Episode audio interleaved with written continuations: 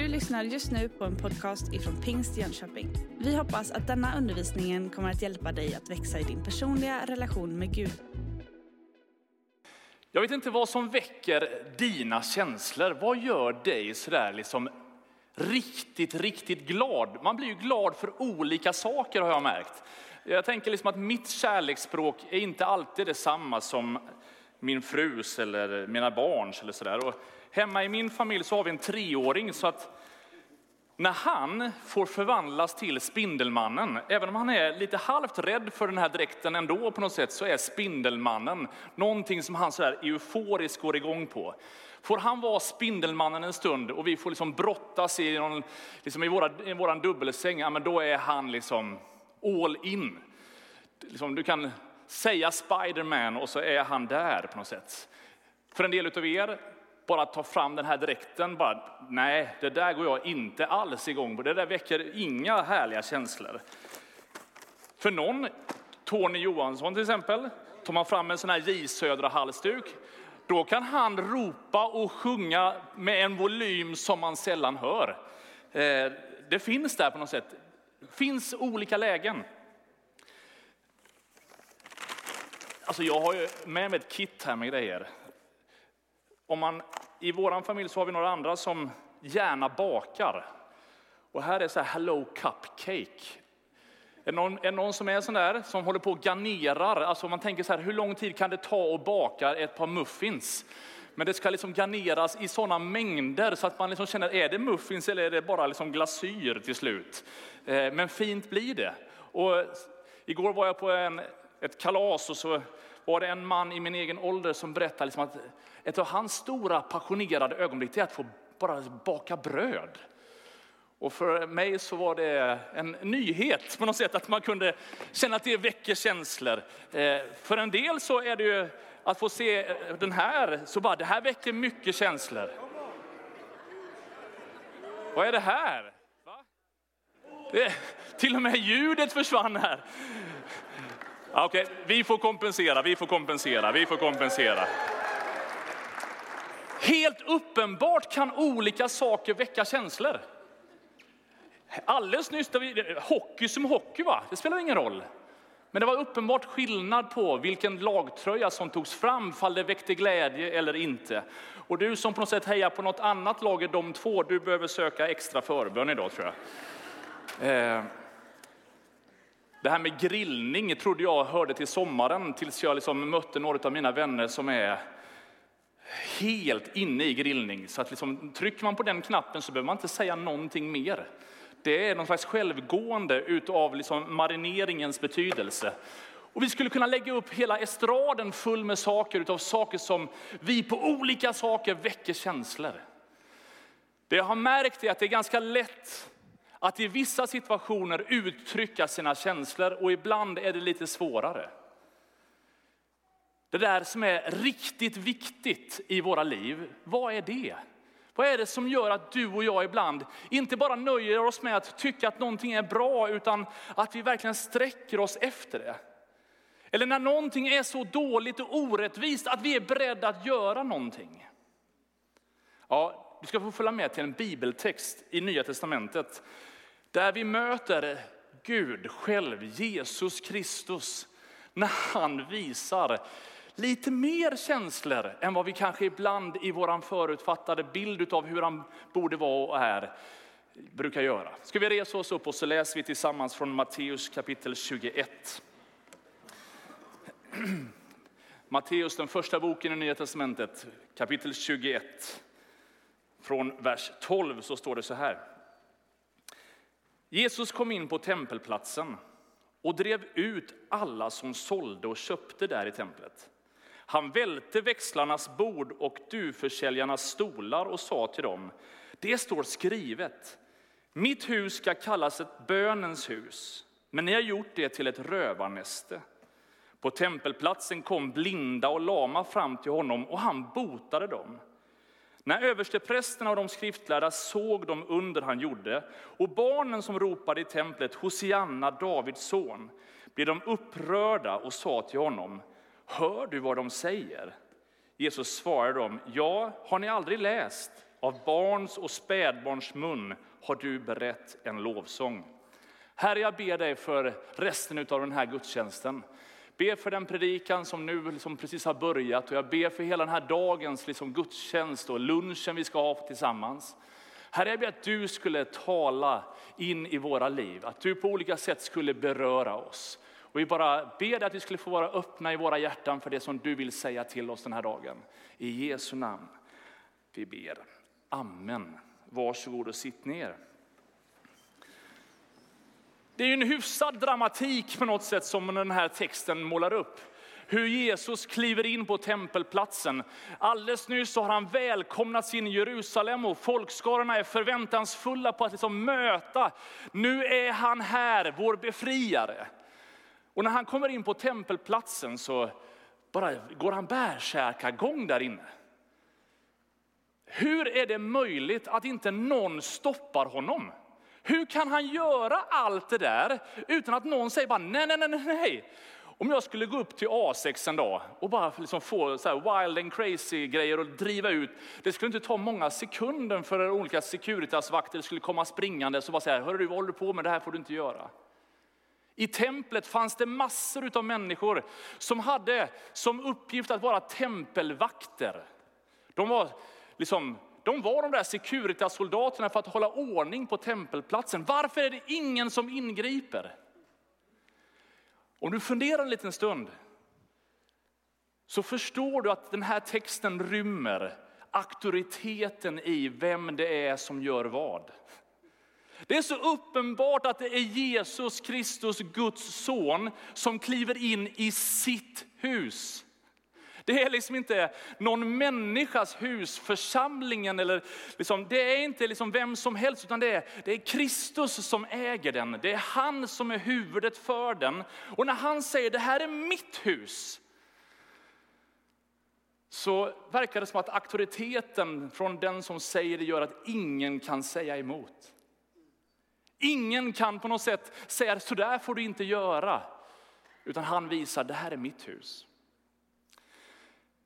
När du är på väg in i vår kyrka här så uppe på entréväggen nästan uppe i taket så är det en skylt där det står välkommen hem. Det är faktiskt så att om du studerar den här bibeltexten lite närmare så översättningen utav huset. När Jesus säger det här är mitt hus. Det skulle lika gärna kunna säga det här är mitt hem. Här är liksom, här bor jag, här är du välkommen hem till mig. Och därför så vill vi som kyrka skriva den texten även över vårat, liksom när du kommer hit och firar gudstjänst. Att det här inte bara är trevliga människor och på något sätt liksom ett program som du lyssnar till, utan att här, det här är Guds hus, det här är Guds hem. Och du är välkommen hem. Inte till en byggnad, inte en utställningslokal, inte ja, vad det nu är för någonting av bilder man skulle kunna ha. Utan du är välkommen hem. Hoppas att du känner att du är välkommen hem. Du vet, jag har så lite tandläkarskräck. Jag är 42 år och tycker fortfarande det är jättejobbigt att gå till tandläkaren. Och har sagt till min tandläkare att jag tycker det här är väldigt otrevligt. Och har de frågat mig så här, liksom, är det någonting liksom som vi gör som skapar den här olustkänslan? De bara, nej, ni är jättetrevliga. Jag tycker det bara är väldigt obagligt. Så här i våra, eller precis innan jul så skulle jag på någon kontroll. Och då är det några stycken där som jag skulle säga är väldigt nyexaminerade. Vilket innebär att jag är betydligt äldre än dem. Men när jag kommer in där så har de läst i journalen att här kommer en som tycker att det här är obehagligt. Så de är sådär riktigt kärvänliga. Jag har sett det här och det här kommer gå bra, det här kommer gå bra. De gör allt för att jag ska känna mig lugn. Men hela miljön är på något sätt steril, den är kall. Det, någonting bara i rummet är så långt ifrån det mysiga vardagsrummet som man känner sig hemma i. Det räcker inte bara med att ha stolar där, det räcker inte bara med att det är rent och fint. För att det ska kännas hemma krävs det någonting mer. Och eftersom de som jobbar där på något sätt, de känner väl sig hemma på sin arbetsplats, men det är inte hemma för dem heller. Så blir inte hemkänslan så trevlig, även om de är trevliga på tandkliniken. När Jesus säger, det här är mitt hus. När han säger välkommen hem till mig, så är det inte en steril arbetsplatsmiljö för honom, utan det är den där varma, goa känslan. Du är välkommen hem till honom. Och så säger han, vet ni inte att den här platsen ska vara ett bönens hus för alla folk? Och jag under flera veckor levt med den här bibeltexten utifrån det år som ligger framför. Ibland så läser man in i den här texten att det Jesus nu säger på något sätt är att vi ska ha bönemöten bara. Liksom. Att det, liksom det är själva det vi gör på något sätt kollektivt i en organiserad form. Nej, han talar inte om ett specifikt tillfälle. Utan han talar om att en plats ska få vara uppfylld av hans närvaro. Där han är så påtaglig så att det han vill säga sägs rakt in i våra hjärtan. Och de som kommer får säga det som är på deras hjärtan. Och han är mån om att alla människor ska få tag på vem han är och leva i den närvaron, inte bara en gång av sitt liv, inte vid ett specifikt tillfälle, utan präglas av den livsstilen. Och därför så säger aposteln Paulus i Korinthierbrevet att ni, ni som tror på Gud, ni är ett tempel för den helige ande. Ni är den platsen som ska vara uppfyllda utav bönens ande. Inte bara en gång, inte bara på söndagar, inte bara på en viss tid, utan hela ditt liv ska få vara en sån där uppenbarelseplats där Gud bor. Jag tycker det är enastående, men också utmanande när Gud talar om att han vill verkligen möta med oss. Nästa söndagkväll så har vi en speciell bönesamling. Du hörde det alldeles nyss. Så vi vill bara uppmuntra alla att göra allt ni kan för att vara med. Så ska vi be för det här året som ligger framför oss. Vi ska be för vårt land. Det är inte allt som är så enkelt. Det intressanta i Sverige är att under årtionden har man försökt plocka bort Gud från allting. Men nu verkar det som att Gud håller på att återvänder. Helt plötsligt börjar folk förstå att nej, men vänta nu, vi behöver någonting mer än det vi trodde räckte. Och man söker i existentiella frågor på ett nytt sätt i vårt land. Kanske är det så att du är här i vår kyrka idag som inte liksom har en bekännande tro på Gud. Men på något sätt är nyfiken ändå att ja, men det, finns det någonting mer än det jag har sett hittills i mitt liv? Och det är precis det som händer i den här texten, att Gud banar väg för människor och säger, jag vill att alla folk ska få lära känna min närvaro. Jag finns inte bara för några få, jag finns där för alla. Hela tempelplatsen var uppbyggd i lite olika nivåer. Om vi låtsas en stund att den här estraden får gestalta hur tempelplatsen var. Så där Jesus kommer in, där var liksom en förgård. Där fick alla världens människor komma som längtade efter Gud. Även de som ännu inte hade en liksom den där bekännelsen fullt ut så att man var jude i strikt mening. De fick vara i den yttre förgården. Och där hade man byggt upp de här marknadsstånden. Där man sålde olika saker som man sen skulle offra i templet. Lite längre förbi den där platsen så fick de komma som var religiösa judar och Lite längre in så fick prästerna som tjänade i templet, de fick vara där och en gång om året så fick överste prästen stå i det allra heligaste där Guds närvaro var. Jag skulle bara vilja att du liksom förstår på något sätt vägen fram till Guds närvaro. Korset får stå för det allra heligaste och här är platsen där alla människor skulle vara. Det intressanta är att det som Jesus liksom gör där på tempelplatsen, är inte bara liksom att rensa rent från kommers.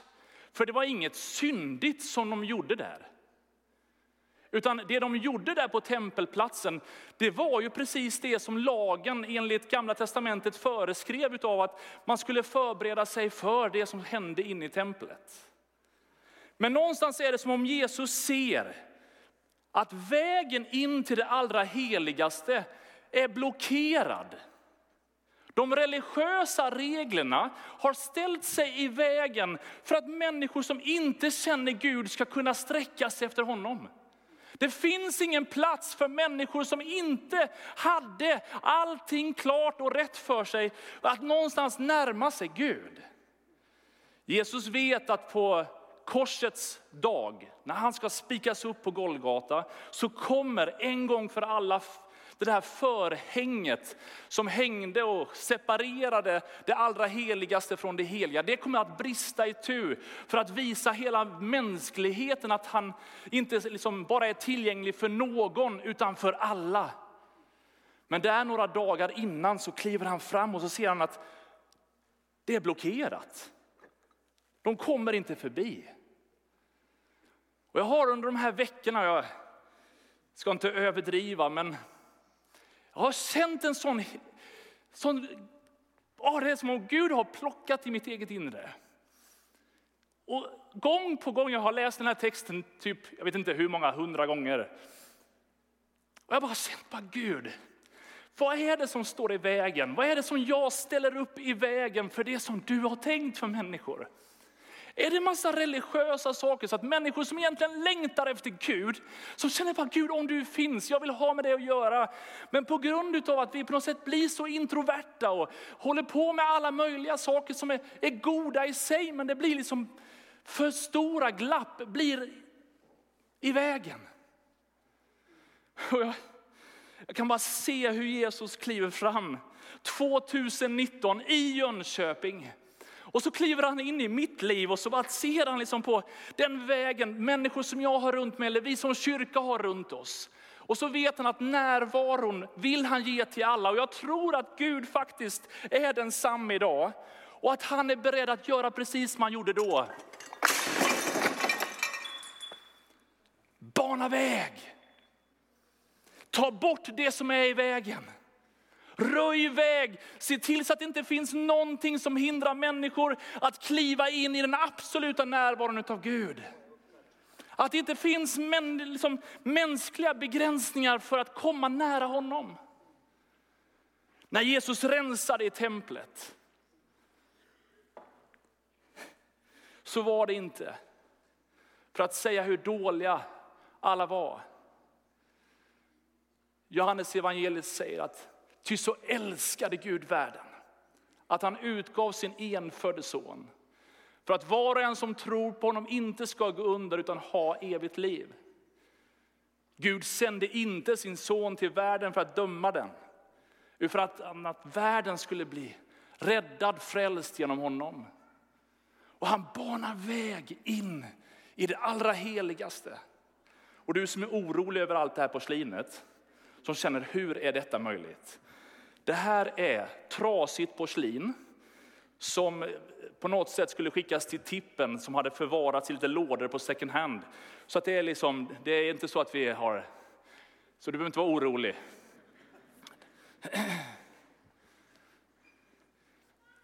Även om det finns en annan kruka hemma som kanske skulle passat på. Säg ingenting till Gabriella, nej. Men om du kunde förstå ändå mitt hjärtslag. Jag har tänkt väldigt mycket på vår församlingsvision och kraften och styrkan i det som vi vill göra.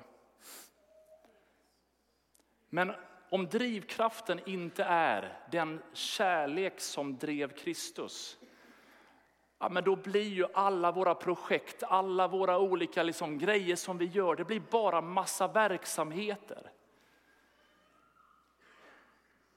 Men om den där kärleken som drev Kristus att faktiskt visa känslor på ett väldigt annorlunda sätt.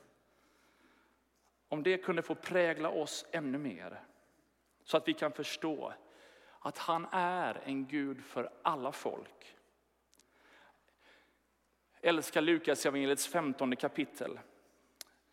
Där står det så här i de första verserna att alla tullindrivare, människor som var förrädare som jobbade åt ockupationsmakten. Och alla syndare höll sig nära Jesus för att höra honom. Men fariseerna och de skriftlärda kritiserade honom ständigt och sa, den där mannen tar emot syndare och äter med dem. Och sen kommer beskrivningar i Lukas evangeliet om en herde som hade hundra får och ett var borta och så han var beredd att göra allt han kunde för att hitta det hundrade som hade sprungit bort. En kvinna som hade tio mynt och ett mynt var borta, hon letade som en galning för att hitta det som var borta. Och berättelsen om den förlorade sonen som överger fadershuset, lämnar allt men som sen bara bestämmer sig för att jag behöver liksom hitta tillbaka. Alltså det bibelsammanhanget är så kraftfullt tydligt av att Gud är inte för någon få. Han är inte bara för liksom elitsoldaterna utan han finns för oss alla. Famnar oss med sina faders armar. När Jesus är där på tempelplatsen och driver ut de här sakerna som stod i vägen. Så står det bara liksom i samma vers hur människor som var blinda, lama kommer till honom och han blir bot, de blir botade. Det verkar som om i samma ögonblick som Jesus gör rent hus, skapar förutsättningar så kommer mirakelkraften över människor som kämpar med lite olika saker. Det bereds en plats där människor får bli befriade. Sen fortsätter barnen att lovsjunga Gud.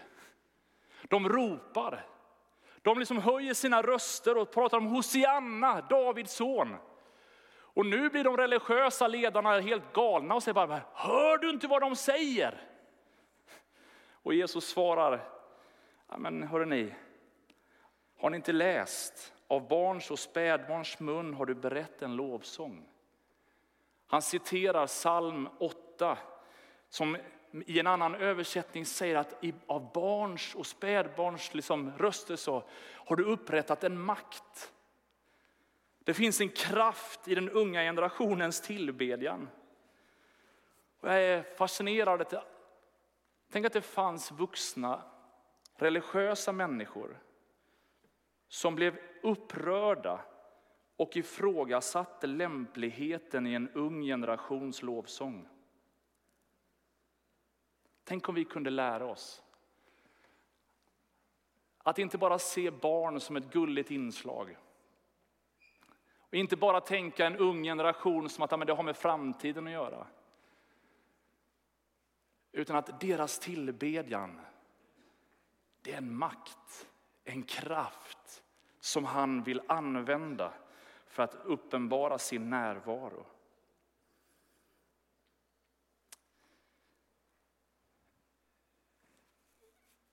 Vi ska gå mot avslutningen av vår gudstjänst. Jag ska be att lovsångsteamet kommer fram och gör sig redo. Vi ska ha gott om tid för att liksom få be tillsammans och få vara tillsammans när vi äter lunch. Men vi ska ta några minuter till och bara påminna oss om några bibelsaker till. I andra Korintierbrevet kapitel 5, vers 14 så står det så här att Kristi kärlek driver oss. Och när vi har en visionssöndag som denna, när vi pratar om vad vi vill se det här året, så är min bön att det är just det som ska hända. Att Kristi kärlek får driva oss. Vad är det som gör att Katrin, denna lugna och timida kvinna, blir heligt vred? Är det för liksom bara liksom att hon hade en liten dålig dag? Nej, Kristi kärlek till människor driver till handling. Vad är det som gör att liksom så många volontärer ställer upp vecka efter vecka i café i hela världen eller finns med i vår söndagsskola regelbundet. Eller vi skulle kunna måla den ena verksamheten efter den andra. Vad är det som gör att vi gör det vi gör? Kristi kärlek driver oss. Och låt det få vara ett år där den kärleken driver oss så tydligt. Så att om det behöver rensas lite i systemen, om det finns beteenden eller saker som jag gör som på något sätt blockerar, kan, jag göra, kan Gud få rensa rent, bana väg. När jag har varit i bön för den här söndagen så har det inte bara varit en predikan till oss som församling eller bara till mig, utan jag har också upplevt att du finns med i vår gudstjänst idag. Som längtar efter den där gudsnärvaron. Som sträcker efter den. Men där det kanske finns saker som på något sätt vi tror att vi måste leva upp till så att vi blir liksom så prestationsbaserade och tänker att jag ska göra massa saker rätt för att förtjäna hans kärlek. Men du vet, kärleken är av nåd dig given. Och när du på något sätt bara säger Jesus jag behöver dig, jag vill ta emot dig så vill han ge dig det du behöver. Kan vara så att det finns saker i ditt liv som tynger dig, som är tufft att bära. Och ibland kan man få tillåta Jesus att rensa i ens inre. Så att det som är på hans hjärta hörs lite tydligare. Att få ta emot syndernas förlåtelse. Bli befriad från konstiga tankar och allt möjligt annat. Vad den är som snärjer dig. Ja, jag bara välkomnar dig i Jesu namn. Ska vi resa oss upp över hela kyrkan?